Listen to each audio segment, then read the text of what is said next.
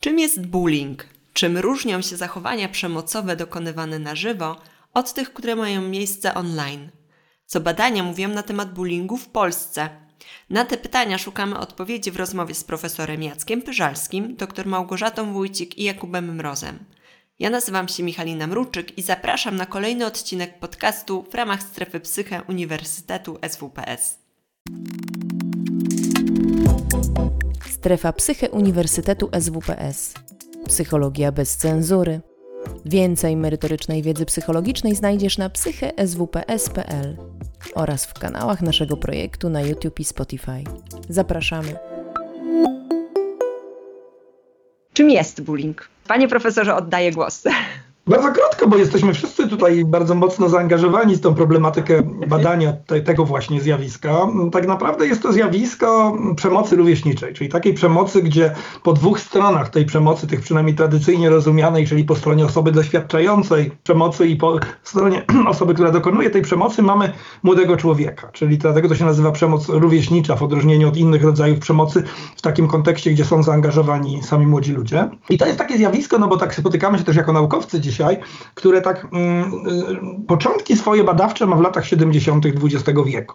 Ale to nie znaczy, że nie istniało wcześniej, bo właściwie w literaturze, w różnego rodzaju innych anegdotycznych opisach przypadki takiej przemocy rówieśniczej w różnych kontekstach znajdujemy absolutnie mm, już wcześniej. Natomiast od lat 70., rzeczywiście od klasycznych badań Olweusa, ale tak naprawdę wcześniej od badań lekarzy, bo to jest też ciekawe, że tym się na początku zajmowali lekarze tym zjawiskiem, zaczynamy się tym zajmować jako przedstawiciele nauk, wtedy społecznych, bo to głównie psychologowie, psychologowie rozwojowi się zajmowali tym zjawiskiem. Teraz, pod, jak minęło ponad 50 lat, tak, to tak naprawdę zaczynamy mieć y, poczucie, że mm, jest to tak poważne zjawisko i tak też ważne z punktu społecznego widzenia, szczególnie w kontekście przeciwdziałania mu i jakichś poszukiwania rozwiązań praktycznych, takich, które też do interwencji skutecznej, kiedy to już się dzieje bardzo poważnie, to, bo, bo też czasami tak przecież bywa, to właściwie zajmują się przedstawiciele wszystkich nauk. Znajdziemy teksty socjologiczne, znaczy znajdziemy, znajdziemy teksty osób zajmujących się kulturą, znajdziemy teksty pedagogiczne na ten temat, czyli tak naprawdę mm, z bardzo wielu perspektyw to teraz badamy. Ale generalnie w takim najszerszym ujęciu jest to zjawisko takiego poważnego krzywdzenia młodych ludzi przez innych młodych ludzi i później też powiemy, że no to krzywdzenie może przebiegać na różne sposoby, ale myślę, że to wystarczy na, taki, na taki, za, za, za takie słowo wstępu. W zasadzie w literaturze i w takich rozmowach z ludźmi, którzy pracują i, i przebywają z młodymi osobami, e, słyszy się różne pojęcia. Mówi się o przemocy, o agresji, o prześladowaniu, o bullyingu właśnie. E, więc pytanie takie, mm, czym się będzie różnił bullying od innych rodzajów przemocy? Co będzie w nim charakterystycznego? No to mamy kilka takich charakterystyk. Staramy się rzeczywiście, rozmawiając z nauczycielami dla takiego i rodzicami też, dla takiego bardzo praktycznego y, celu, żeby rzeczywiście określić, kiedy to jest przemoc, kiedy, się, kiedy, jest, y, kiedy to jest agresja, a kiedy już zaczynamy mówić o prześladowaniu. To nie jest do końca takie proste, ale staramy się wybrać kilka takich charakterystyk. Jedną z tych charakterystyk jest to, że jest pewien, pewna taka dysproporcja siły, czy, czy władzy, czy jakkolwiek to nazwiemy, ale rzeczywiście, że agresor jest pod jakimś względem silniejszy albo ma większą władzę, niekoniecznie silniejszy fizycznie, ale ma na przykład znacznie więcej przyjaciół, jest znacznie bardziej popularny, e, ma, ma za sobą jakąś świtę czy jakichś kolegów, koleżanki, które dają taką społeczną przewagę. E, mówimy także o tym, że jest to, jest to zjawisko, które się dzieje przy udziale świadków, czyli to nie jest jeden na jeden, nie jest intencja jednego człowieka, tylko rzeczywiście jest wokół ta grupa rówieśnicza. Czyli inni patrzą, obserwują, będziemy potem o tym mówić, co robią i, i dlaczego. Kolejną też bardzo ważną rzeczą, że jest ale też już zaczynamy się nad tym zastanawiać, jak to, jak to konkretnie ująć, jest taka intencja. No musi być intencja do wyrządzenia krzywdy. Oczywiście pytanie jest, kto tą intencję określa. Ale jeżeli ofiara widzi, że to jest jakaś konkretnie zaplanowana, y, zaplanowane działanie wyrządzenia krzywdy, czyli nieprzypadkowe szturchnięcie, czy przypadkowe, nie wiem, wylanie na kogoś, na kogoś wody, tylko konkretnie, konkretnie z intencją, zaplanowaniem. No i też coś, co, co już nam przysparza trochę kłopotu, że dzieje się to wielokrotnie. Tu pewnie y, profesor też będzie mógł y, o tym powiedzieć, jak będziemy mówić o cyberprzemocy, że mm, no czasami w cyber robi się coś raz, ale tak naprawdę ma konsekwencje wielokrotnego wydarzenia, tak? bo zdjęcie ktoś opublikuje raz, ale ono cyrkuluje, jest przesyłane, lajkowane i właściwie dla ofiary jest to nieustający, nieustające pasmo powtarzających się powtarzających się działań. Także to właściwie jest taka charakterystyka, którą możemy w miarę prosty sposób odróżnić od zwykłej bójki, zwykłej kłótni koleżanek, które się pokłócą, a potem pogodzą czy, czy pobiją, y, ale, ale nie występują te cechy takie charakterystyczne y, przyporządkowane bullyingowi. E, tu już zaczęła Pani mówić o, e, o cyberbullyingu e, i chciałabym też tak zapytać o, to, o, o te rodzaje bullyingu, które wyróżniamy. Mhm to mm, możemy przede wszystkim dla takiego podziału e, zastosować e, no po prostu taki podział wynikający z tego, jakich narzędzi używa e, ten sprawca bądź grupa sprawców w celu wyrządzenia tej krzywdy. No i tak tradycyjnie dzielimy na, na takie kategorie jak bullying fizyczny, kiedy, kiedy mamy do czynienia z użyciem siły w tym celu. Mówimy też o bullyingu materialnym, kiedy na przykład niszczone są rzeczy albo dokonywane są kradzieże, wymuszenia.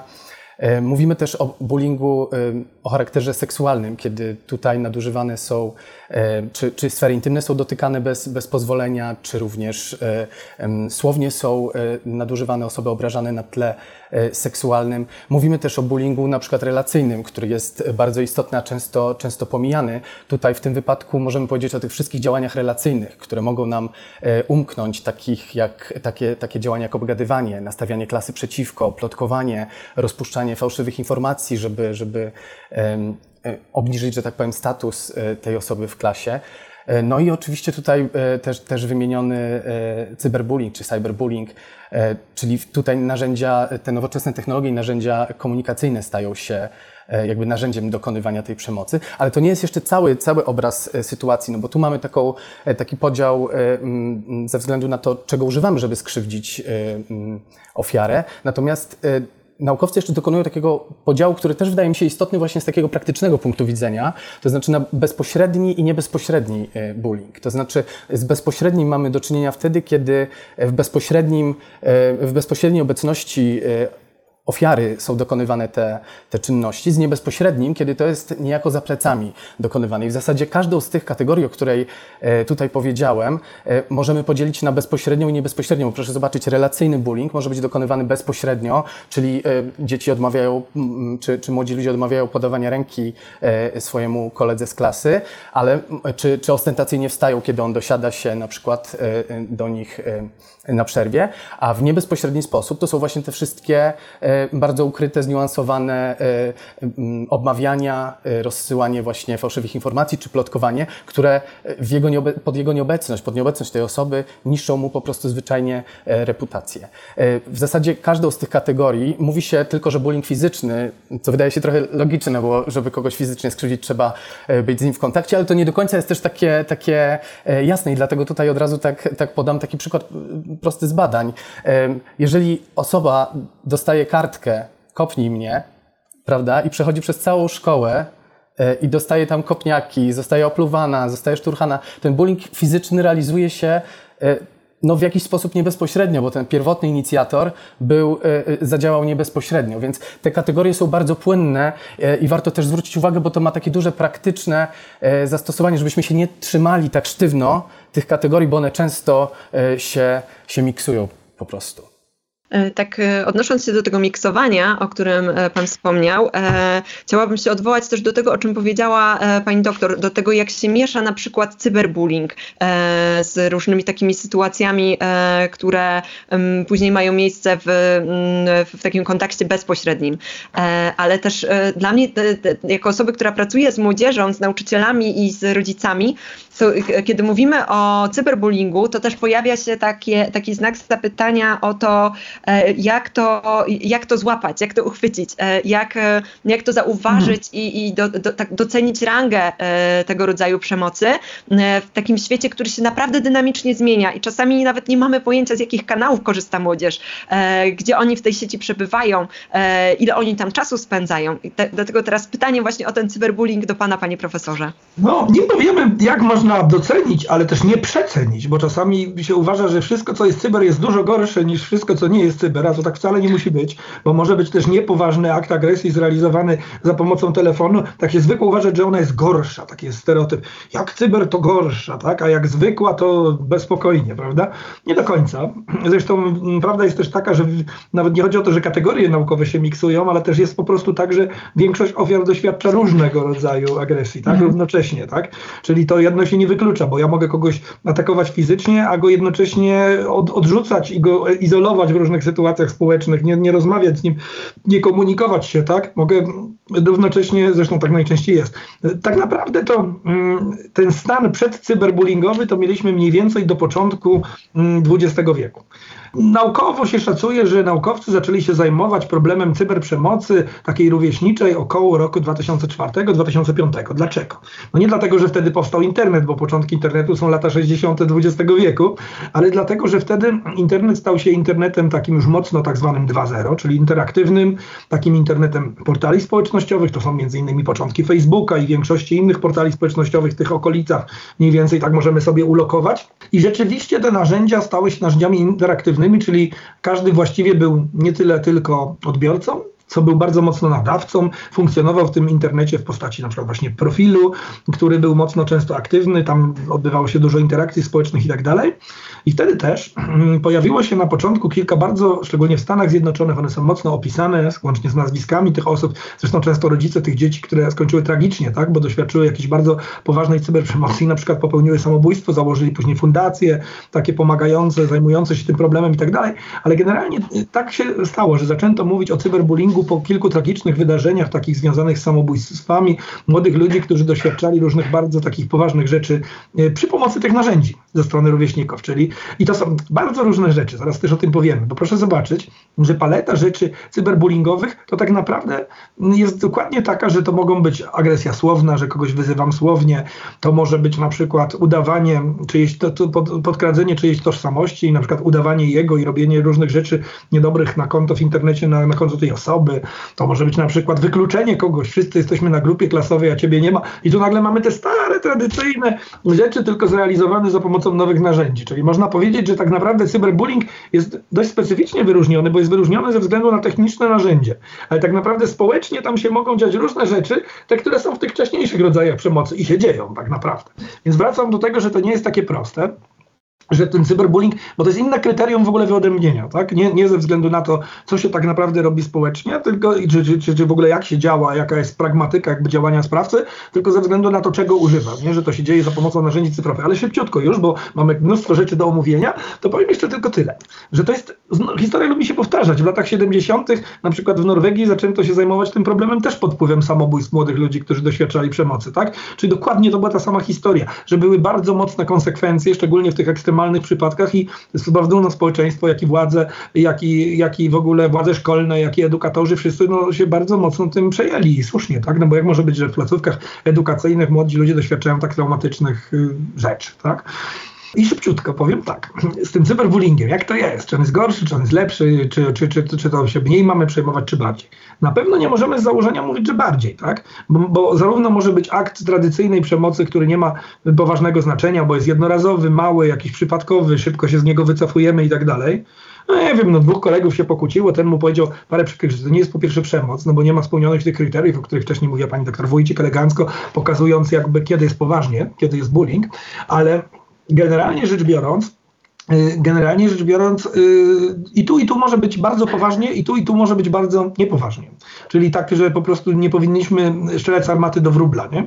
A niektórzy teraz robią tak, że jeżeli coś się dzieje tradycyjnie, to nie ma problemu, ale dwa SMS-y z nieprzyjemnym słowem, to trzeba to zgłosić na policję, bo to jest poważna sprawa, bo to jest cyberprzemoc. Tak? No to jest trochę taki, taka, taka, powiedział, ślepa uliczka taka myślenia i taka nieprawda też psychologiczno-społeczna na, na ten temat. Natomiast rzeczywiście niektóre przypadki cyberprzemocy potrafią być bardzo ekstremalne. Wbrew pozorom nie wszystkie są publiczne, bo mogę też stosować cyberprzemoc indywidualnie, na przykład w komunikatorze do kogoś pisząc. Nie każda cyberprzemoc jest taka, jak się standardowo uważa, że umieszczam coś, wszyscy to widzą i tak dalej, ale są takie przypadki cyberprzemocy.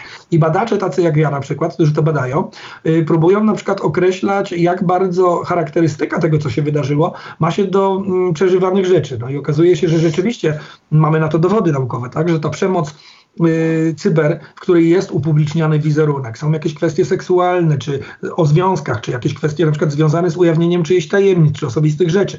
Nie w każdym przypadku cyberprzemocy to jest obecne, ale tam, gdzie to jest obecne, to generalnie y, takie subiektywne odczucia wiktymizacyjne, takie odczucia, że ktoś no, doświadczył przykrości, złych emocji i go to załamało i tak dalej, są dużo wyższe niż w innych przypadkach. Więc to, to, to też trzeba powiedzieć, że bardziej niż to narzędzie powinno nas interesować, co się społecznie wydarzyło, czego tak naprawdę ktoś doświadczył i co się zdarzyło. Już ostatnie zdanie, żebym tutaj nie za, zabrał za dużo przestrzeni, brzmi tak, że powinniśmy, i chyba to jest bardzo interesujące, bo to zawsze interesowało od moich pierwszych badań, które przeprowadziłem w roku 2008, czyli to już tak jeszcze prehistorycznych czasach, to jest to, że warto badać te sprawy razem, nie osobno. Przykład takie badania, że badamy tylko cyberprzemoc, o tyle nie mają sensu, że właściwie wszystkie badania na świecie, łącznie z tymi, gdzie się już stosuje takie rzetelne metody metaanalityczne, gdzie się porównuje wyniki wielu badań, pokazują bardzo mocne powiązanie tych zjawisk. To znaczy z reguły i w większości przypadków to się nakłada nawet jeśli chodzi o rolę, czyli po prostu ci sami, którzy są sprawcami tradycyjnej przemocy rówieśniczej, różnych rodzajów, o których mówił, mówił, mówił Jakub, no to, no to, no to, no to, to, to są y, na przykład badania, które pokazują, że ci sami robią cyber. Właściwie jest bardzo mało sprawców cyberprzemocy rówieśniczej w kontekście klasy, którzy nie są sprawcami tej tradycyjnej, tej zwykłej, no tej sprzed lat, sprzed 2005 roku. Tak? Podobnie ci, którzy doświadczają przemocy. Najczęściej młodzi ludzie, którzy są ofiarami cyberprzemocy, doświadczają bardzo wielu tradycyjnych aktów takich agresji czy przemocy rówieśniczej. E, to jest trochę bardziej skomplikowane. Są takie specyficzne sytuacje, że na przykład ktoś się nie umie obronić w szkole, jest ofiarą w szkole, a staje się sprawcą w internecie po to, żeby się obronić, bo tam jest, mu się łatwiej obronić, bo ma tam, ale to, to, są, to jest margines. Generalnie to są bardzo powiązane zjawiska i taki, taką chyba informacja, która od nas wszystkich powinna pójść do naszych słuchaczy i oglądaczy, to jest taka, że to się powinno traktować holistycznie. Czyli nie powinniśmy traktować cyberprzemocy jako jakiegoś odrębnego gatunku do osobnego zajmowania się i podobnie jest też z większością rozwiązań y, dotyczących zarówno profilaktyki, jak i interwencji, że one są uniwersalne. Jest pewna specyfika cyber, ale generalnie jak ktoś szczerze mówiąc, wiedziałbym, że umie dobrze sobie radzić z przemocą tradycyjną w szkole, to, to od razu byłbym przekonany, że z cyber sobie też poradzi.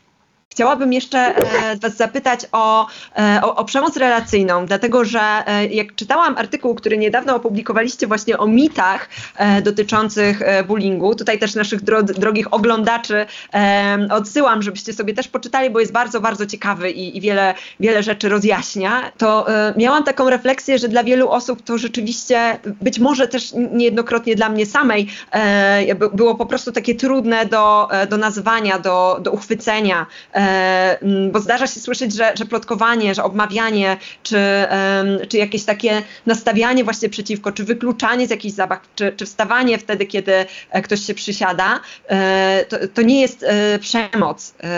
No i jak to jest? Co na ten temat mówią, mówią wyniki badań? To znaczy, ja bardzo dziękuję za to pytanie, bo to jest ważna bardzo sprawa, dlatego że mm, jakby z tym jest największy tak naprawdę problem i to widzimy w wynikach badań, to jest najmniej zauważana i też najmniej zgłaszana forma przemocy to, to są te wszystkie działania relacyjne. Wydaje mi się, że powodów jest e, wiele, ale tak, żeby e, powiedzieć o czymś takim bardzo konkretnym i namacalnym, to to jest to, że przede wszystkim e, no, trudno jest to zauważyć, prawda? Mówiłem tam o tym podziale na bezpośredni i niebezpośredni i właśnie większość tych działań, ona jednak odbywa się w sposób niebezpośredni. Osoby często, które są troszeczkę spoza tej małej społeczności, one nawet mają problem, żeby zauważyć te, te działania.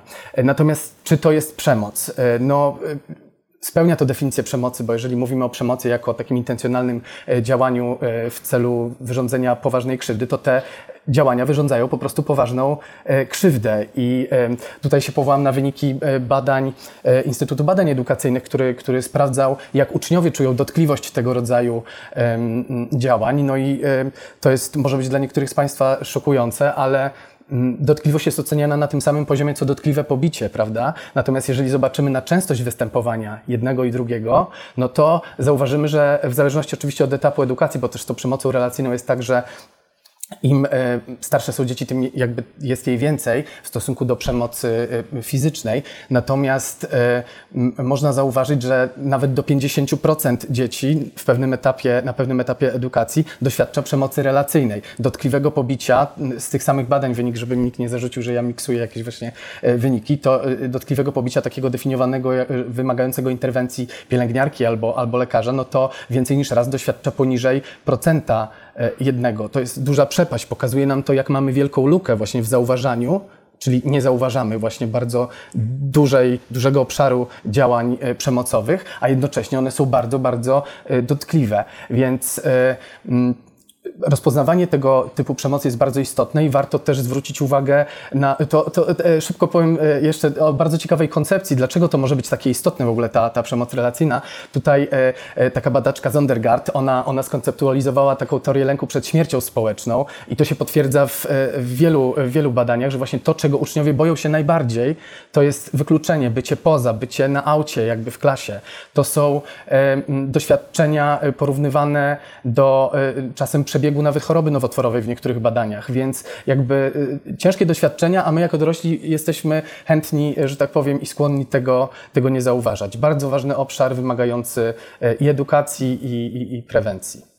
Jeszcze, jeszcze dodam, jeśli mogę, y, bo tak naprawdę wszystkie, tak jak patrzymy, badając jakościowo, czy rozmawiając z osobami, które miały doświadczenie bycia ofiarą przemocy, to tak naprawdę te wszystkie inne rodzaje przemocy są jak gdyby tak trochę zanurzone w tej przemocy relacyjnej. Bo jeżeli ktoś jest wykluczony z klasy, wyrzucony, nie ma przyjaciół, nie ma znajomych, nikt za nim nie stoi, to jak łatwo go wyzwać, jak łatwo go obgadać, nikt go nie obroni. Wobec czego to, to, to wszystko jest osadzone w, w relacjach. Tak? Nie da się kogoś wykluczyć, nie da się kogoś y, na przykład skrzywdzić albo krzywdzić wielokrotnie w klasie, jeżeli on ma za sobą innych, jeżeli, jeżeli ma dużo kolegów i przyjaciół i te jego relacje są silne. Wtedy, wtedy agresorowi się zupełnie nie opłaca, wtedy nawet nie będzie ryzykował, że kogoś takiego, kogoś takiego atakować. Wobec czego ta przemoc relacyjna rzeczywiście jest, czyli to właśnie wykluczenie, czasami mówią nasi respondenci, wygumowanie z klasy, takie spowodowanie, że zniknął, że nikt go nie widzi, że nikt go nie zauważa, że całymi dniami nikt się do niego nie odzywa, nikt nie chce usiąść, nie pomoże, nie odpowie, uczniowie milkną, kiedy, kiedy na przykład podchodzi do, do jakiejś grupy rozmawiającej. Y, y, to są takie no, niezwykle, niezwykle trudne doświadczenia, a też trudno o nich powiedzieć. I tylko powiem, że najmniej, jest to najmniej zgłaszana, yy, najmniej zgłaszany rodzaj bullyingu i najrzadziej zgłaszają go nastoletni chłopcy. Z badań yy, też jakościowych wynika, że dlatego, że nawet nie wiedzą, jak o tym powiedzieć. Po pierwsze, że nie wiedzą, że to jest przemoc, ale też jakimi słowami to ująć, jak to, jak to komuś opowiedzieć. I też jest duży lęk uczniów przed tym, że nauczyciele, o tym już Kuba mówił, nie potraktują tego poważnie. Że powiedzą, a weź nie przejmuj się, to tak jest, to tam, no, że cię ignorują. I do dziś pamiętam jednego ucznia, który powiedział, e, zgłosił nauczycielowi, że jest ignorowany w klasie i pani mu powiedziała, a weź to nie ignoruj, to nie zwracaj na to uwagi. On sam powiedział, jak można ignorować bycie ignorowanym. Więc to rzeczywiście jest, jest bardzo poważny e, rodzaj e, bullyingu. Do tych dwóch ważnych argumentów, króciutko jeszcze jeden, który jeszcze dołoży już jakby pewnie do, do naszego kompletu, do, do całości, dołoży jakby sensu. Tak naprawdę też badania, które pokazują, jak ten proces przebiega. No bo bullying nie spada z nieba i generalnie w klasie zaczyna się od czegoś i coraz bardziej, kiedy nie, nic się nie dzieje, żeby go zatrzymać, no to się robi coraz bardziej poważnie, coraz bardziej szkodliwie, coraz bardziej niedobrze. I większość takich analiz, mało jest swoją drogą takich badań, ale większość takich analiz pokazuje, że taka jest kolejność. Że w klasie najpierw się mhm. kogoś wyklucza, a dopiero potem robi mu się te inne, poważniejsze rzeczy, które są traktowane te czynne, nazwijmy to. No to jest takie bierne, tak? Nie robię, nie angażuję się, nie witam się, nie zapraszam, nie biorę go do różnych rzeczy. I dopiero później, kiedy to przygotowuje jakby taki właśnie grunt, nie? O tym też powiedziała właśnie pani Małgosia, powiedziałaś y, przed chwilą o tym właśnie, że y, jak to się, jak to się dzieje, że jest łatwiej kogoś zaatakować, nie tylko dlatego, że ma kolegów, ale też jak ktoś nic dla mnie nie znaczy, to ja mu mogę zrobić różne mm. rzeczy, tak? To też jest jeszcze inny jakby wymiar tej całej sprawy, że zrobić komuś, z kim jestem jakkolwiek powiązany, to jest bardzo trudno, tak? Ale zrobić komuś, kto jest dla mnie nikim, kto nic nie znaczy. Natomiast jaki mamy problem? Bo mówimy, nie zgłaszają tego, trudno jest interweniować, interweniować, ale też dlaczego? Ze względu na tą specyfikę, że jak przy wszystkich rodzajach czynnej przemocy, jakby istotą interwencji jest zatrzymanie tego negatywnego działania, to właściwie tutaj, to czego byśmy oczekiwali, żeby się stało w wyniku naszej interwencji, to rozpoczęcie działania, żeby zaczęli się z nim witać, zaczęli z nim rozmawiać, zaczęli coś z nim robić i tak dalej, nie? I o ile można na przykład w poważniejszych sytuacjach nawet zastosować konsekwencje wobec osób stosujących cyber, cyber, przemoc czy cyberprzemoc, łącznie z sądowymi, tak, trafi przed, przed sąd rodzinny, na przykład młody człowiek, tak, o tyle w przypadku relacyjnej bardzo ciężko jest przyjąć to podejście, no bo co komuś powiemy? Jeśli nie będziesz się z nim kolegował, to będą konsekwencje, albo nakazuje ci natychmiast zacząć się z nim przyjaźnić, to nawet brzmi bez sensu, tak? Więc tu mamy też do czynienia z pewną specyfiką tego zjawiska, że tej, tej, tego ty, subtypu, nazwijmy to, przemocy rówieśniczej, że w przypadku relacyjnej y, tu chodzi też o całkiem inny jakościowy rodzaj działań i my do, nie do końca wiemy, na, nawet bardzo trudno często nawet u wieloletnich praktyków edukacyjnych, ludzi zajmujących się tą sprawą, co zrobić, tak? Bo ja mogę powiedzieć, ja widzę, że ktoś jest nielubiany i się z nim nie zadają, nie zadają inni, nie kolegują, nie zapraszają czy coś, ale ktoś może powiedzieć, a jakie ja mam na to przełożenie, tak? Ja nawet mogę zobaczyć, że to dziecko wykluczone ma jakieś cechy, na przykład takie, że ja mogę powiedzieć, ja chyba wiem nawet dlaczego oni tak się mniej z nim zadają, tak? I, to, i, to, i to jest bardzo trudne zadanie, żeby to zmienić. Łatwiej jest to nawet zauważyć, bo to, to jest fakt, to, to jest prawda, co mówił Jakub, to jest trudno zauważyć, ale nawet jak zauważę, to jeszcze trudniej jest coś sensownego i skutecznego zrobić. Tutaj jest też bardzo łatwo popełnić taki błąd, że próbuję robić rzeczy takie, które mają zmienić tą sytuację na lepsze, a ją zmienią na gorsze. Pogarszają, dokładnie. No, bardzo łatwo jest tu popełnić błąd, się zachować jak słoń w składzie porcelany. Mhm. Ale super, bardzo dziękuję panie profesorze, że, że wprowadził pan ten wątek też tego, tego takiego wymazywania początkowego, bo to też w ostatniej analizie, którą, której dokonujemy z doktor e, Wójcik, właśnie dokładnie jedną z takich e, kategorii tych doświadczeń jest właśnie to pierwsze takie wymazywanie, kiedy, kiedy e, robi się z osoby taką przeźroczystą osobę, z którą można wszystko zrobić, bo to jest przygotowanie gruntu i ośmielenie, że tak powiem, wszystkich innych, że tej osobie można już zrobić wtedy znacznie więcej. Mhm. Ja bym chciała teraz tak zebrać to, o czym mówiliśmy w kwestii e, definicji zjawiska, bo e, pani doktor mówiła o, o tym, że żeby móc nazwać e, zjawisko bullyingiem, to ono musi trwać i jakby to nie może być jednorazowe wydarzenie i że po, po, powinna się pojawiać taka dysproporcja siły. Chciałabym zebrać po to, żeby zacząć też takie pytanie o to, jakie są te fazy, jak to można zauważyć, czy, jeżeli to jest tak, że jest to coś, co się zadziewa w jakiejś przestrzeni czasu, to czy jest jest tak, że możemy, jakby e, już troszeczkę pan profesor zaczął też o tym mówić, e, że możemy zobaczyć co, ten początek, uchwycić to.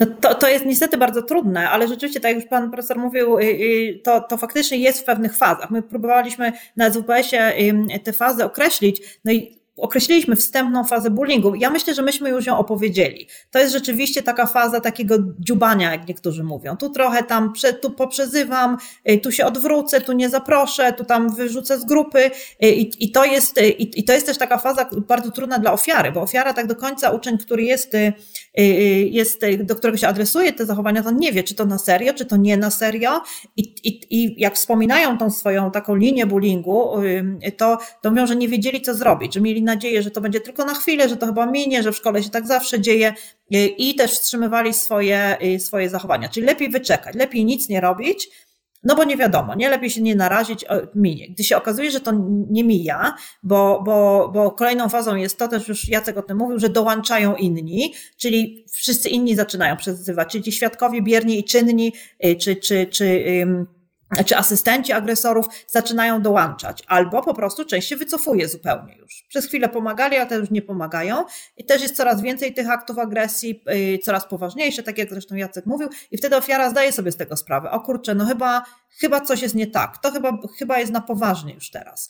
Yy, I zaczyna też rozważać, no dlaczego ja, dlaczego, dlaczego oni mnie, oni mnie przezywają, dlaczego mnie prześladują. To jest też ten moment, kiedy próbuje różne rzeczy, próbują uczniowie różne rzeczy robić. Na przykład niektórzy w naszych badaniach opowiadali o tym, że próbowali się nawet trochę zaprzyjaźnić z tym agresorem. Tak trochę udawali, że, że to są śmieszne rzeczy, że to jest niby taka zabawa, że on tu mi niby dokucza, ale ja się śmieje, że jesteśmy w dobrej relacji. To zazwyczaj nie pomaga, bo to bullying idzie dalej. Niektórzy próbowali coś w sobie zmienić, czyli na przykład zmienić swoje zachowanie, obniżyć oceny, y, jeżeli, jeżeli ktoś się śmiał z nich, że są kujonami, albo kupić, poprosili mamę o nowe ubranie, albo nie wiem, ćwiczyli grę w piłkę, jeżeli grupa im, ten, ten powód taki grupowy był, że nie, nie grali w piłkę.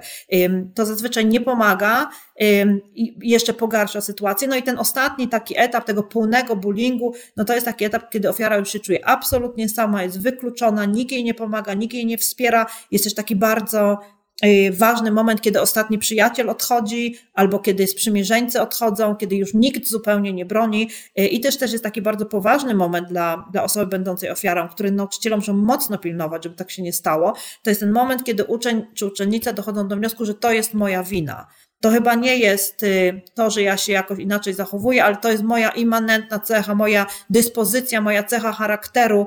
No i wtedy już nic, no co mogę zrobić? Nic nie mogę zrobić. Będę siedzieć cicho, będę się wycofywać, będę, będę tak się społecznie izolować, żeby oni mi nie, nie zrobili krzywdy. Ja to oczywiście odpowiedziałam, opowiedziałam w sposób ekspresowy.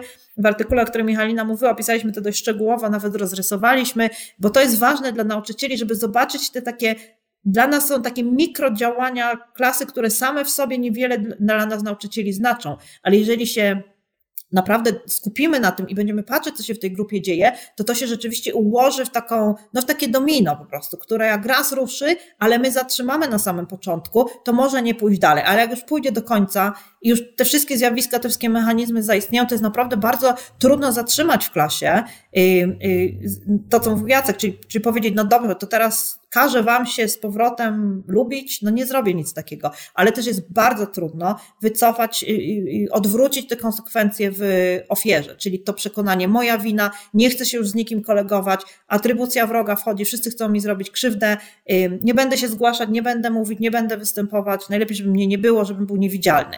Więc, więc no tak, i to jest ta, ta ostatnia, najpoważniejsza faza pełnego bullyingu. Właśnie chciałam też Panią zapytać o to, jak to się dzieje w klasie, jak to się dzieje w klasie szkolnej, więc dziękuję bardzo, że już, mhm. już nam Pani tutaj ten temat e, zainicjowała, dlatego że jak e, czytałam e, ten wspomniany artykuł, to też rzucił mi się w oczy taki akapit o tym, że mm, w samej definicji bullyingu jest też ten taki ważny aspekt związany z instytucją szkoły, gdzie mówi się o tym braku równowagi sił, który jest związany z kontekstem, normami panującymi w szkole i całym systemem edukacyjnym w, w, w danym państwie.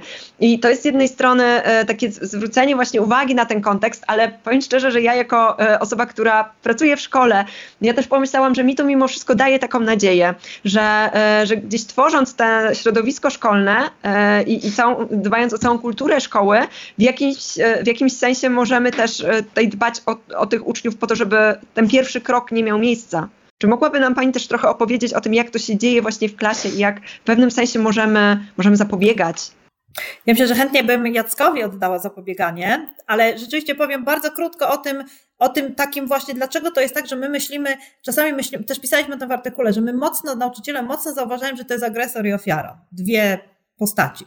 Ale musimy bardzo mocno myśleć w tej kategorii, że to jest absolutnie cała klasa, 100% uczniów w klasie. Nawet tych, którzy w ogóle mówią, że oni nie wiedzą o co chodzi i, i, nie, i, nie, i nie mają z tym nic wspólnego.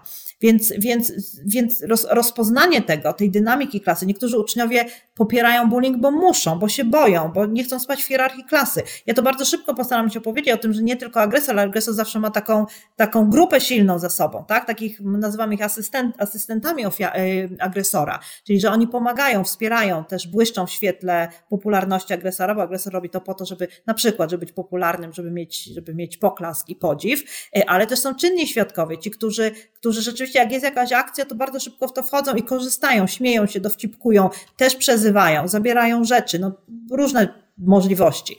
Mamy biernych świadków, którzy nic nie robią, tylko patrzą, ale też proszę zobaczyć, oni są ewidentnie tą, tą, tą widownią agresora. On to robi, robi dla nich. Im się nie będzie opłacało, jeżeli nikt y, na to nie będzie, nie będzie patrzył. Mamy, mamy takich, takie osoby, które bardzo by chciały zainterweniować, bardzo by chciały pomóc, ale się boją, bo, bo albo nie wiedzą jak, albo, albo wolą siedzieć cicho, żeby się nie narazić agresorowi. No i też obrońcy, tacy, którzy rzeczywiście rzeczywiście bronią, rzadko niestety występujące, ale oni właśnie w tym kontekście takiej, tej, tej całej szkoły jako instytucji, jeżeli oni występują, ich jest dobrze wykorzystać, bo to oni właśnie mogą zatrzymać bullying bardzo, y, bardzo szybko. Jeżeli będziemy rozpatrywać właśnie w takich, w takich systemach ten bullying, czyli mamy ten system klasy, ale też mamy system szkoły, który właśnie też działa, właściwie wszyscy są zaangażowani. I dyrektor, i nauczyciele, i wszyscy, którzy widzą albo nie widzą, albo udają, że nie widzą, albo nie wiedzą, co z tym zrobić, ale nie wiedzą, czy to teraz już, czy jeszcze nie. Wobec czego, jeżeli planujemy interwencję, to ta interwencja musi być osadzona no, w dość nieidealnym kontekście instytucji szkoły. Jeżeli chodzi o interwencję, to specjalistą jest, jest Jacek, więc oddaję głos.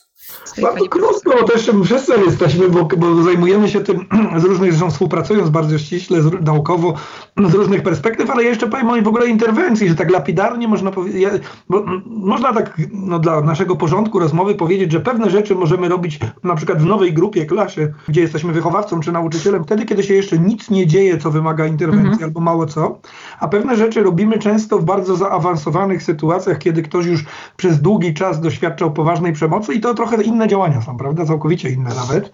Ale mogę powiedzieć lapidarnie, że to jest tak.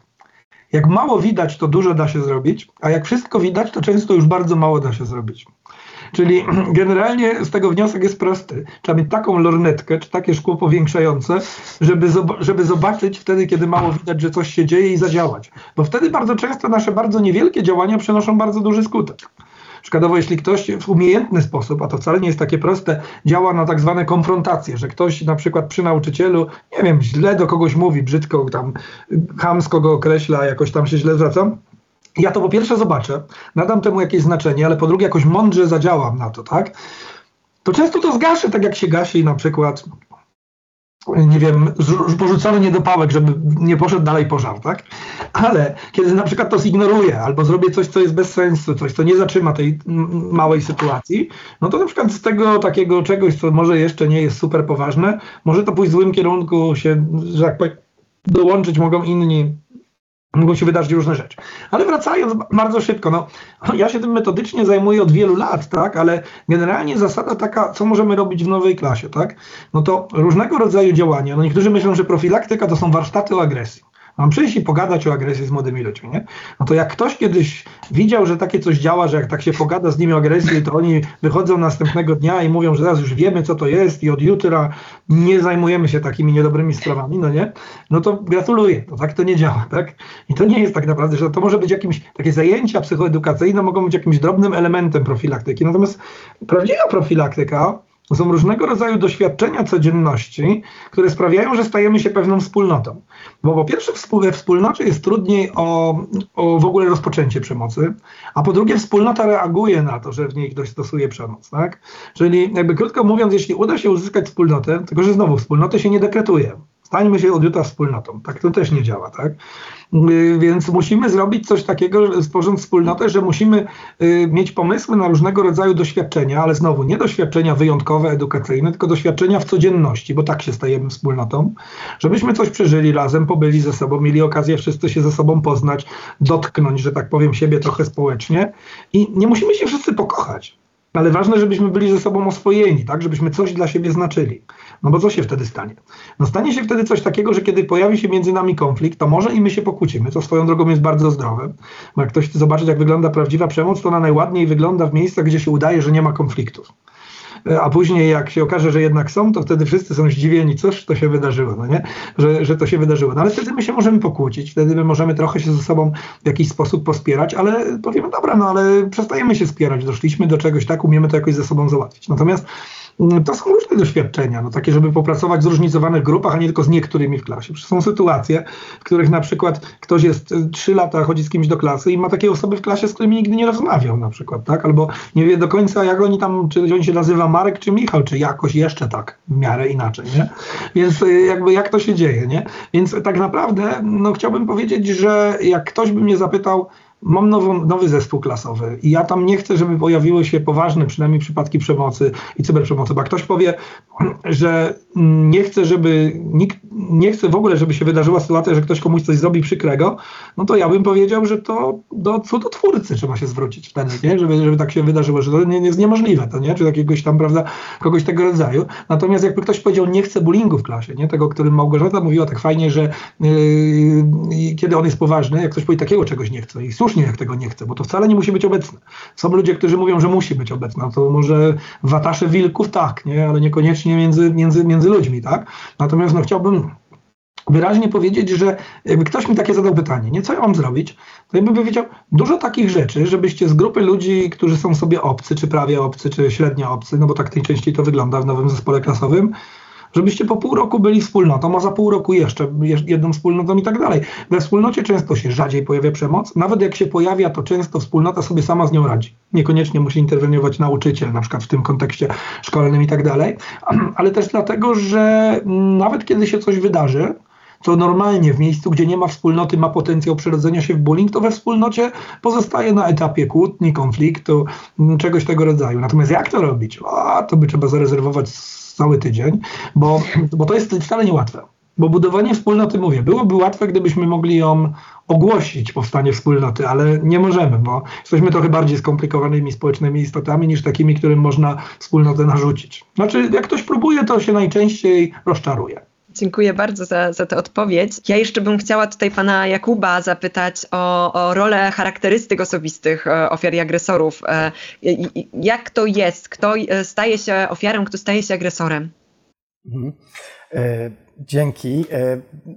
Myślę, że żeby tak w pełni odpowiedzieć na to pytanie, to też by nam nie starczyło i, i, i, takiego kilkugodzinnego spotkania. Myślę, że sprawa jest skomplikowana, bo tradycyjnie jesteśmy przyzwyczajeni nawet do takiego myślenia, że e, pewne cechy łączą się jakby z mm, taką łatwością wpadnięcia w jedną albo w drugą e, rolę. I tak rzeczywiście była taka, taka tradycja e, badawcza, że mm, łączono pewne, sprawdzano po prostu, jakie cechy łączą się z byciem ofiarą, jakie cechy łączą się z byciem agresorem, więc tutaj no, no mogę powiedzieć, że y, y, no, oczywiście wymieniało się, się bardzo wiele y, takich cech, jak na przykład nieśmiałość, prawda, albo wszystko, co wskazuje jakiś taki makrokulturowy, powiedzmy, marker wykluczenia, czyli otyłość, czyli, nie wiem, przynależność do wspólnoty LGBT, ale generalnie im więcej badań czytamy, im więcej badań sami robimy, im to wszystko idzie dalej, no to odnieść można wrażenie, że w zasadzie każda cecha w odpowiednich okolicznościach może stać się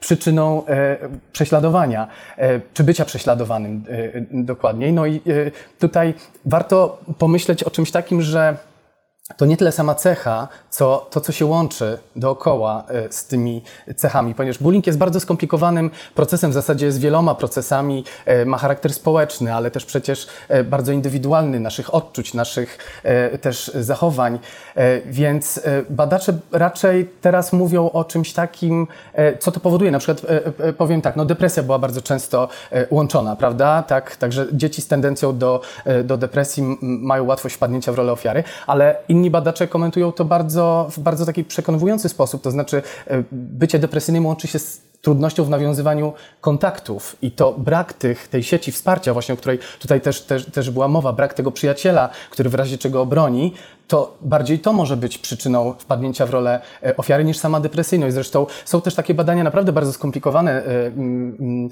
badające mm, genetyczne podłoże występowania e, pewnych cech. No i tutaj taka badaczka Brentgen, ona, ona się nazywa, to są badania 2021 rok, więc to są świeże badania, no ale ona przeanalizowawszy bardzo wiele wyników tych badań właśnie, czy, czy na przykład te tendencje do zachowań internalizacyjnych są, są związane na przykład z byciem ofiarą do zachowań zachowań eksternalizacyjnych z byciem agresorem. No i ona nie jest w stanie udzielić jednoznacznej odpowiedzi, bo mówi, że w dalszym ciągu nie jesteśmy w stanie e, wyważyć, na ile to jest czynnik genetyczny, na ile środowiskowy, a z kolei z innych badań wiemy, e, że czynniki środowiskowe mogą osłabiać ekspresję e, pewnych genów i być może te dzieci, które tak tradycyjnie byśmy uznali za te, które mają turbo łatwość, że tak powiem, w, w, wpadnięcia w, w te role, w sprzyjających okolicznościach nigdy w te role nie wpadną. Jeszcze jedno badanie bardzo, bardzo ciekawe, to eksperyment, pewnie dzisiaj już nikt by się na taki eksperyment e, nie zgodził. Natomiast e, eksperymentowano właśnie e, przydzielając jednych chłopców z tendencją do zachowań internalizacyjnych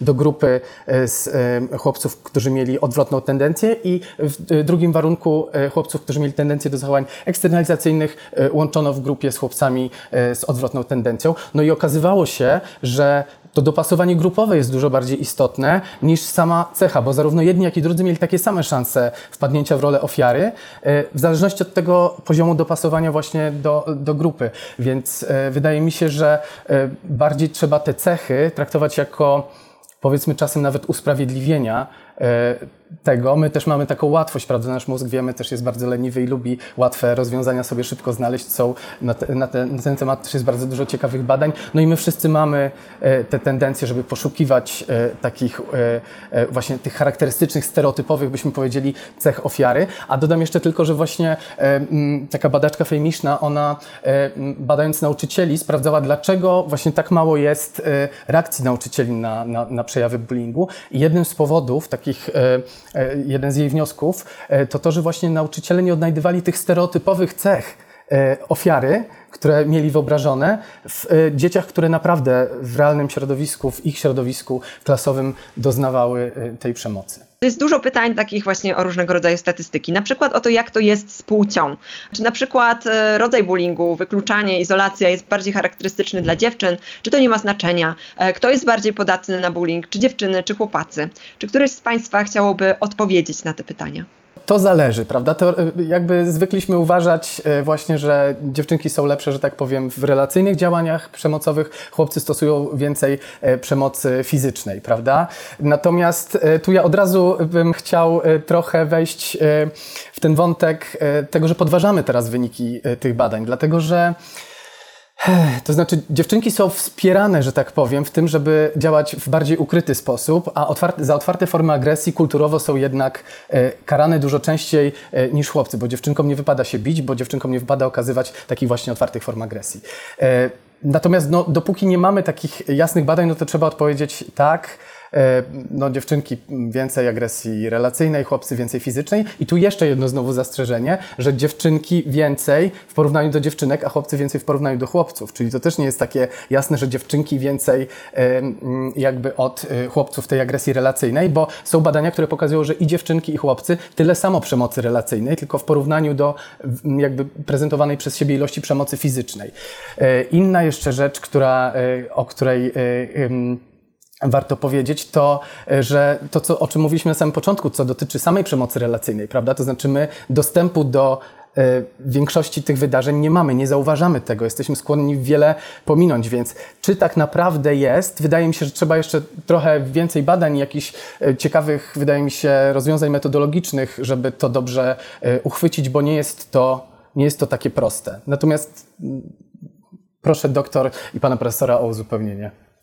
Y, ja tylko dopowiem taką ciekawą, y, ciekawe badanie czytam ostatnio, że dziewczynki są ewidentnie na wszystkich etapach, y, na wszystkich etapach edukacyjnych znacznie częściej obrońcami, zarówno tymi biernymi, takimi potencjalnymi, czyli takimi, które pocieszą ofiarę po zdarzeniu i pójdą powiedzieć, zraportować wychowawcy czy pani, ale też takimi czynnymi, czyli, czyli że rzeczywiście staną w obronie. I to i to, i, i to i, możemy powiedzieć, że z badań wynika, że dziewczyny częściej, częściej stają, stają w obronie. No a tak to dokładnie tak, jak, jak to powiedział Kuba.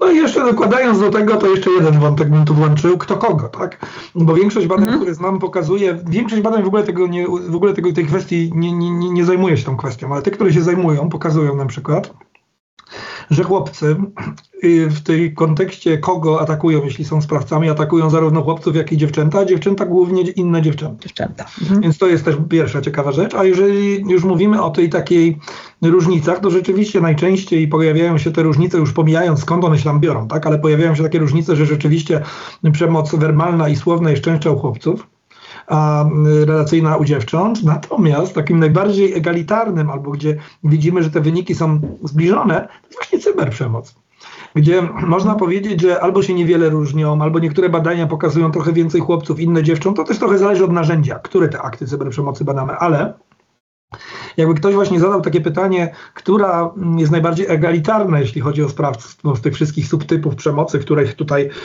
króciutko sobie dzisiaj dotknęliśmy omówienia takiego, no to właśnie cyber.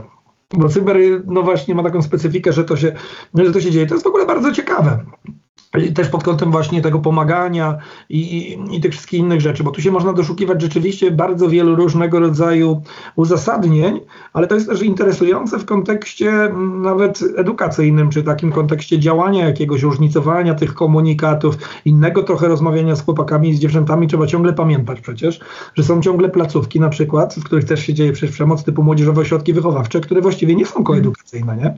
Więc wtedy by się można na przykład zastanawiać, szczerze, nikt się prawie nie zastanawia, nad pewną indywidualizacją tych, czy jakąś, jakąś indywidualizacją, czy jakimś rodzajem dopasowania tych programów do takich placówek, bo one ze względu trochę na te inne mechanizmy, zaangażowanie i tak dalej, one powinny mieć trochę inny charakter szczerze nie mają, są uniwersalne najczęściej.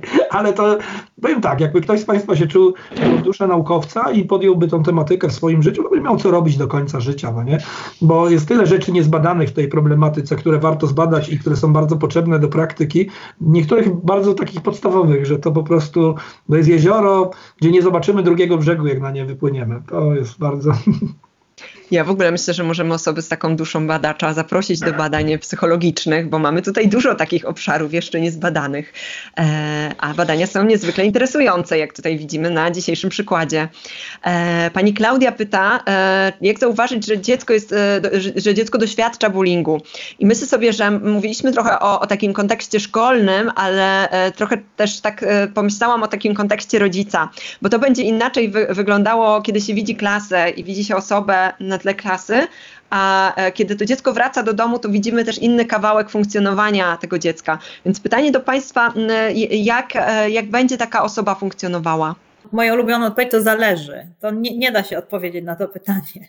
Y, ale, ale to tak samo też y, y, jesteśmy po, po, po sporym projekcie zbierania danych, jeszcze nie opracowaliśmy całkiem, nie mamy jeszcze wyników gotowych, ale właśnie rozmowy z rodzicami, ale też udało nam się porozmawiać z dziećmi tych rodziców o, o tym jednym case'ie bullyingu właśnie, czy tej sytuacji bullyingowej z jednej i z drugiej strony. Powiem tylko tyle, że to, co rodzic musi zrobić, to mocno wypytać, ale tak konkretnie i, i, i brać i, i bardzo poważnie sprawę potraktować. Czyli jak dziecko przychodzi i mówi, przezywają mnie, to być może to, być może to jest nic ważnego, być może to nie jest nic poważnego, bo się dzisiaj pokłócili, się przezywają, ale być może trzeba sprawdzić, też, też nie popadając w jakąś obsesję przypadkiem, tak? Nie wypytując, nie drążąc, ale rzeczywiście spokojnie pytając i obserwując sprawę, czy to właśnie nie jest nie jest sytuacja bullyingowa, bo, bo dziecku, no w zależności też oczywiście od wieku, czasami trudno jest opowiedzieć, nawet samemu trudno jest zrozumieć, co, co, co, co się dzieje. Takie proste powiedzenie, mamo, oni się nie chcą ze mną bawić. To, to może być, akurat dzisiaj taka sytuacja była, bo coś się tam zadziało, ale być może to trwa już od dwóch tygodni. I to trzeba y, rzeczywiście bardzo poważnie to, to, to wtedy potraktować, zobaczyć, co się dzieje. Mm, no, nie będziemy teraz rozmawiać może o tym, w jaki sposób rozmawiać z wychowawcą, czy rozmawiać, czy w ogóle zacząć tą interwencję rodzicielską, jeżeli rodzic podejrzewa, że coś się dzieje, bo to jest ko kolejny temat rzeka, czy jezioro, jak Jacek powiedział, ale, ale no, no, rodzic widzi, że coś dzieje się z dzieckiem, że się troszkę zmienia zachowanie, że y, nagle przestaje lubić szkołę, że nagle nie odwiedzają koleżanki, że właśnie od czasu do czasu wspomina, że nie chcą bawić, że przezywają, że coś zrobili, że coś zabrali, no to wtedy to może się ułożyć w taką mm, rzeczywiście opowieść sugerującą, że to jest sytuacja bullyingowa. Dziękuję bardzo. Czy tutaj e, któryś z Panów chciałby jeszcze coś dodać? Ja może tylko, e, tylko tyle, bo też e, wiele takich case'ów e, analizowaliśmy, zwłaszcza w przypadku starszych, czyli, czyli nastolatków, starszych dzieci to niechodzenie do szkoły, to znaczy to, to unikanie chodzenia do szkoły, na pewno warto się e, temu przyjrzeć mocniej. Dlaczego dziecko akurat w okresie, kiedy powinno dążyć do tej grupy rówieśniczej, powinno e, e, e, lubić e, spędzać czas z rówieśnikami, dlaczego ono tak, tak unika? No, często te, te bóle brzucha, objawy takie zgłaszane przez dziecko, że ja nie chcę, bo jestem chory, bo mnie boli brzuch i tak dalej, one, one może za tym kryć się coś też innego i warto tego nie zbagatelizować, bo no, za, za dużo takich, takich case'ów analizowaliśmy, kiedy właśnie rodzice mm, po prostu odwozili dziecko, zmuszali, y, y, więc stawali się, że tak powiem, takim je, jeszcze no, dodatkowym, no nie chcę powiedzieć oprawcą, bo to jest za, za mocne słowo, no ale przykładali też rękę do, tak naprawdę do tego, że to dziecko cierpiało w szkole, zamiast rozwiązać problem, to było, było zmuszone, żeby po prostu trwać w tej sytuacji i, i, i bez wyjścia tak naprawdę. Pytanie o kraj europejski, w którym jest najmniej bullyingu. Czy są jakieś takie e, badania? nie przypomnę sobie kraju, ale mogę powiedzieć, że Polska od wielu lat, wbrew dziennikarsko-obiegowym opiniom, jest krajem, który we wszystkich badaniach porównawczych jest mniej więcej w środku. Czyli mhm. nie jest ani krajem, gdzie jest mhm. bardzo dużo, ani krajem, gdzie jest bardzo mało. Co ciekawe, można zerknąć po takie badania. Mogę odesłać do danych bezpośrednio, bo nie chcę wymieniać krajów, bo coś mogę pomylić. Z grubsza pamiętam. Mogę powiedzieć, że zadziwiające jest czasami to, że kraje, których od lat się robi różne działania takie antybullyingowe, poważne, są czasami bardzo wysoko stoją w, w, w dużej, znaczy dużą wykazują częstotliwość bullyingu. Czyli nie ma też takiego prostego przełożenia, że jak od wielu lat się tym zajmujemy, to znaczy, że tego nie ma, czy jest mało i tak dalej. Natomiast myślę, że nas powinna interesować Polska. No i Polska jest ciekawym krajem, bo jak weźmiemy na przykład badania UKIDS Online, które to porównują, zarówno cyberprzemoc, jak i przemoc tradycyjną. Czy jakieś tam badania, powiedzmy HBSC, czyli te dotyczące y, szkoły promującej zdrowie i w ogóle zachowań zdrowotnych, właściwie Polski, no w ogóle nastolatków, to takie badania robione trochę pod patronatem takie zachowania zdrowotne y, dzieci w wieku szkolnym, tak? Takie duże badanie prowadzone tam przez profesor Mazur i jej zespół, to tak naprawdę mm, te badania polskie zawsze lokują w środku. Te badania, które bierzą coś niedobrego, czyli tą czarną stronę, czyli przemoc. To jest też dobra dla nas informacja, tak? No bo wiadomo, że to można poprawić, no ale to nie jest tak, że jesteśmy gdzieś na szarym końcu. Ale jak weźmiemy na przykład badania PISA, które badają pozytywny wymiar relacji szkolnych, czyli badają na przykład to, czy dzieci mają poczucie bycia we wspólnocie szkolnej, utożsamiają się ze szkołą i tak dalej, to znowu jesteśmy na samym końcu. Czyli jakbym to chciał jakoś streścić w odpowiedzi na to pytanie, to bym powiedział, że nie jest źle, ale dobrze też nie jest, tak? Czyli no, bo tak, tak mniej więcej te badania pokazują, że zależy, czy weźmiemy pod uwagę ten salatogenny wymiar, pozytywny, no to mamy dużo jeszcze do zrobienia, żeby w jego kierunku zderzać. No może powinniśmy, no ale też ten, ten pierwsza rzecz, nie? czyli ta częstotliwość no, mm, tej przemocy tak mierzona tymi wskaźnikami, no to, to, to jest dobry wynik, tak? No taki, który nie mówi, że nie mamy nic zrobić, no ale który też nie mówi, że w ogóle na to nie zwracamy uwagi albo nie wiem, się tym nie zajmujemy. Mhm. Ostatnie już myślę pytanie, e, to w zasadzie e, wydaje mi się, że to też będzie takie pytanie rzeka, więc może jeżeli e, Państwo macie taką gotowość, to możecie tutaj podpowiedzieć Pani chyba Ani e, jakieś materiały, albo może będzie na to przestrzeń na kolejnym naszym webinarze, bo pojawiło się pytanie o taką sylwetkę psychologiczną rodziny sprawcy bullyingu. Czy to jest coś takiego, czym będziemy mogli się zająć w przyszłym tygodniu, czy może są jakieś dodatkowe źródła, czy może ktoś spróbuje pokrótce chociaż odpowiedzieć? też nie ma jednoznacznej odpowiedzi. To nie jest tak, że my powiemy, że y, wszyscy agresorzy albo większość agresorzy, agresorów pochodzi z takiej, takiej i takiej rodziny. Y, zupełnie tak nie jest. Y, są, jest tak samo jak Kuba mówił o, o uczniach, mm, o takich czynnikach ryzyka bycia ofiarą. Tak samo mamy takie czynniki ryzyka bycia agresorem. Natomiast ja, jako też były wychowawca, chociaż to, to nie wyniki naukowe, ale też wyniki naukowe też badań też pokazują, że właściwie każdy uczeń w zależności od wpływu grupy, może stać się na jakimś etapie agresorem. Też są takie hybrydowe role, że ktoś jest jednocześnie agresorem, jednocześnie ofiarą, albo ofia- agresorem i y, dla, dla, jednych, a obrońcą dla innych. Więc to też bardzo trudno jest powiedzieć, że ktoś jest tylko tym albo tylko tym. Zresztą Jacek o tym, o tym wcześniej mówił. Natomiast no, bardzo trudno jest powiedzieć, jakie są cechy charakterystyczne rodzin agresorów. Tak jak nie możemy powiedzieć, jakie są cechy charakterystyczne rodzin ofiar. Myślę, że nie wiem, czy Jacku, ty zgodzisz się ze mną. Tak, to znaczy jest, znaczy możemy powiedzieć o pewnym prawdopodobieństwie, tak? Rzeczywiście widzimy, że, że częściej na przykład sprawcami są, i to, to jest takie powiązanie mm. w wielu badaniach wykryte, że częściej sprawcami są na przykład młodzi ludzie, którzy, których relacje są gorsze rodzinne, na przykład, albo mm. same mają charakter przemocowy, tak? Ale to nie jest stuprocentowa, czyli są młodzi ludzie w rodzinach przemocowych, którzy właściwie ze względu na tą wiktymizację są łatwiej stają się ofiarami na przykład, tak? Mimo, że są z rodziny przemocowej. Ale na pewno sytuacja przemocowa łatwiej, i to pokazują badania, ktoś w mocno przemocowej, tak strukturalnie rodzinie, na przykład duża szansa na to, że on się stanie ofiarą lub sprawcą takiej przemocy ustrukturalizowanej rówieśniczej rośnie rośnie, co nie znaczy, że to jest układ zero-jedynkowy, że jesteś z takiej rodziny, to na pewno będziesz tym lub tym, tak? Natomiast wyraźnie no, badania takie o charakterze takim, które próbują wiązać te dane, swoją drogą trudno się prowadzi takie badania, bo trzeba łączyć wyniki, które, no chyba, że tylko jeden respondent odpowiada na temat tego, jak funkcjonuje w rodzinie i szkole i tak dalej, ale, mm, ale, ale rzeczywiście, no to mamy takie, takiego rodzaju mhm. rzeczy. Bez trudu to można znaleźć, chociażbym był bardzo ostrożny, bo badania są tak różnymi narzędziami prowadzone wręcz w różnych środowiskach, że tu bym sięgał po badania metaanalityczne, które no niby są bardziej wiarygodne, ale z kolei często mhm. łączą badania o różnej metodologii, więc też bym uważał. Te ustalenia są dość, i to całkowicie się zgadzam z Małgorzatą, te ustalenia są dość Dość dużo w tych ustaleniach jest takich nie, nie, takiego, takiej niespójności tak? i takiego różnego rodzaju niespodzianek. Ale generalnie zasada jest taka, że złe relacje rodzinne w kontekście relacji rodzice-dzieci czy opiekunowie dzieci, y, no y, zwiększają szanse takiego włączenia się czynnego w którąś z tych głównych ról, czyli sprawcy i, lub, lub ofiary, czy osoby doświadczającej przemocy. Kolejny temat jezioro, do którego z badania zapraszamy. Panie Jakubie, czy pan by chciał jeszcze coś dodać? Bo... Ja tylko no, po, dodać coś po profesorze to jest bardzo ciężko, ale ja mogę dodać tylko, że y, też taką cechą y, y, łączoną tradycyjnie, tak, tak mówię trochę złośliwie, z e, e, taką szansą większą na wpadnięcie w rolę agresora, był niski status socjoekonomiczny rodziny. Pochodzenie z takiej rodziny było, było łączone i rzeczywiście w niektórych badaniach niby taka prawidłowość e, się pokazywała, natomiast też Część badaczy interpretowało to zupełnie inaczej, to znaczy właśnie tym, że mniejsze wsparcie społeczne w takich rodzinach jest okazywane, no, nie tylko społeczne, przepraszam, mniejsze wsparcie jest e, okazywane takiemu dziecku, no bo energia idzie generalnie często na to, żeby zapewnić sobie byt, więc y, y, oni po prostu mają szansę utknięcia dłużej w tej roli y, niż dzieci po prostu z rodzin, w których są lepiej zaopiekowane, więc to, to tyle mógłbym powiedzieć. Ja, ja natomiast tak, tak, no mówię, czytając te badania i analizując wyniki, to jestem bardzo ostrożny ostrożny, bo, bo, bo możliwość tych alternatywnych wyjaśnień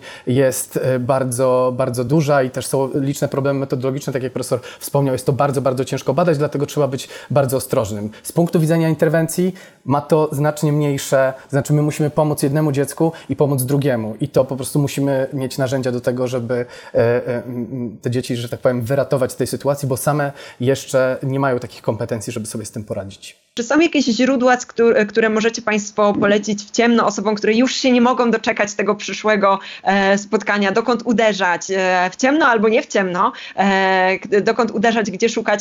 Ja polecam oczywiście strefę psychę Uniwersytetu SWPS, a jeżeli tutaj mamy zniecierpliwionych widzów, którzy chcieliby już coś teraz poczytać, zanim się znów spotkamy, no to pytanie, co, jak mogą zaspokoić swoją ciekawość? Ja polecam popatrzenie na bibliografię artykułu, który chyba, chyba y, zostanie zlinkowany, tak, także tam jest sporo. Też y, ja jestem wielkim fanem y, publikacji pana profesora, więc też polecam oczywiście.